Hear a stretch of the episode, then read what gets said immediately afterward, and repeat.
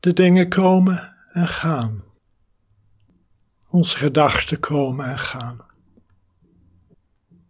Emoties komen en gaan. De zintuigen nemen dingen waar. Geluiden, vormen, ruiken. En ook die komen en gaan. Dat wat gewaar is van de gedachte, is zelf geen gedachte. Dat wat gewaar is van een emotie, is zelf geen emotie. Dus dat wat gewaar is van onze onrust, is zelf niet onrustig.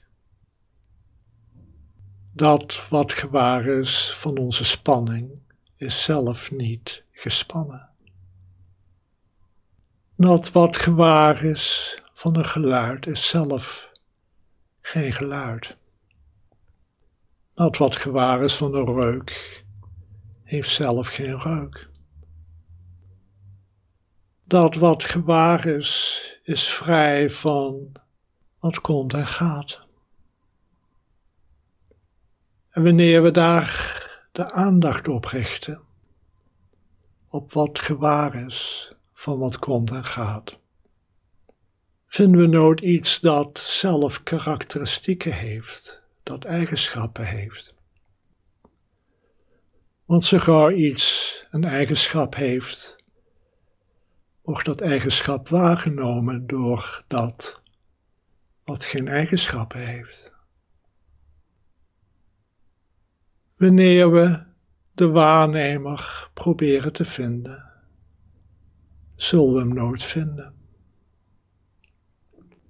Want je kan niets vinden dat geen eigenschappen of karakteristieken heeft. Je kan zelfs niet zeggen dat het ruimte is of stilte is. Hoogstens dat het zelf geen geluid heeft, geen dimensies. Elk eigenschap is erin afwezig. Dus zeggen we, het is leeg van eigenschappen, van karakteristieken. Maar laten we wel wezen dat wat gewaar is, met andere woorden, jij bent wel zeker aanwezig. Dus het is een constante aanwezigheid zonder eigenschappen. Maar wij mensen dichten ons wat we waarnemen al te graag maar toe. En dat heeft ook wel zo zijn voordelen. Ik ben 1,89 meter. Ik spreek Nederlands. Ben blank. Al dat soort dingen. Maar zo gauw ik wat dieper kijk, zie ik dat ik ook vrij ben van al die karakteristieken. Dat wat gewaar is van lijden, is zelf vrij van lijden. En dat is een heel belangrijke. Wanneer we lijden, is er een vereenzelviging met de elementen die dat lijden opbouwen, creëren. Wanneer we in het lijden dieper kijken, zien we dat het lijden wordt waargenomen door dat wat vrij is van lijden. Dat wat waarneemt is onveranderlijk. En daarom werd het altijd de Boeddha-natuur genoemd. Maar Dogen zegt dat wat komt en gaat, de veranderlijkheid zelf is de Boeddha-natuur. Beide posities zijn correct. Want zo gauw zeggen het is het een of het ander, zitten we al in de wereld van de karakteristieken. Wordt er al een keus gemaakt? Is er een dualiteit?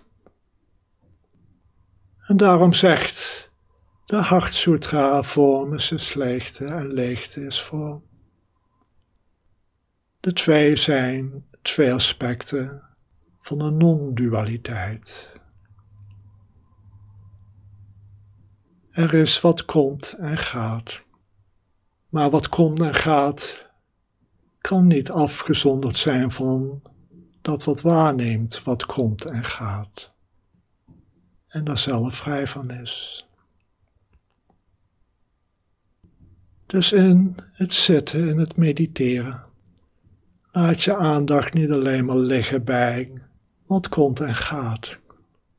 Het gaat eindeloos door. De ene gedachte volgt de andere op. De ene emotie de andere. En dan is er soms stilte. En dan komt het volgende weer.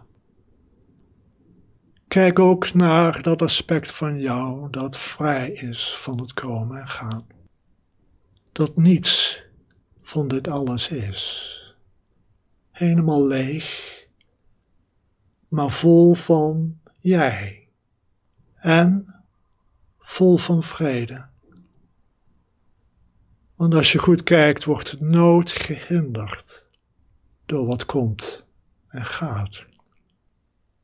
En daardoor kan je altijd gaan zitten en de vrede in jezelf vinden. Daardoor kan je altijd gaan zitten en jij die de vrede bent, vinden.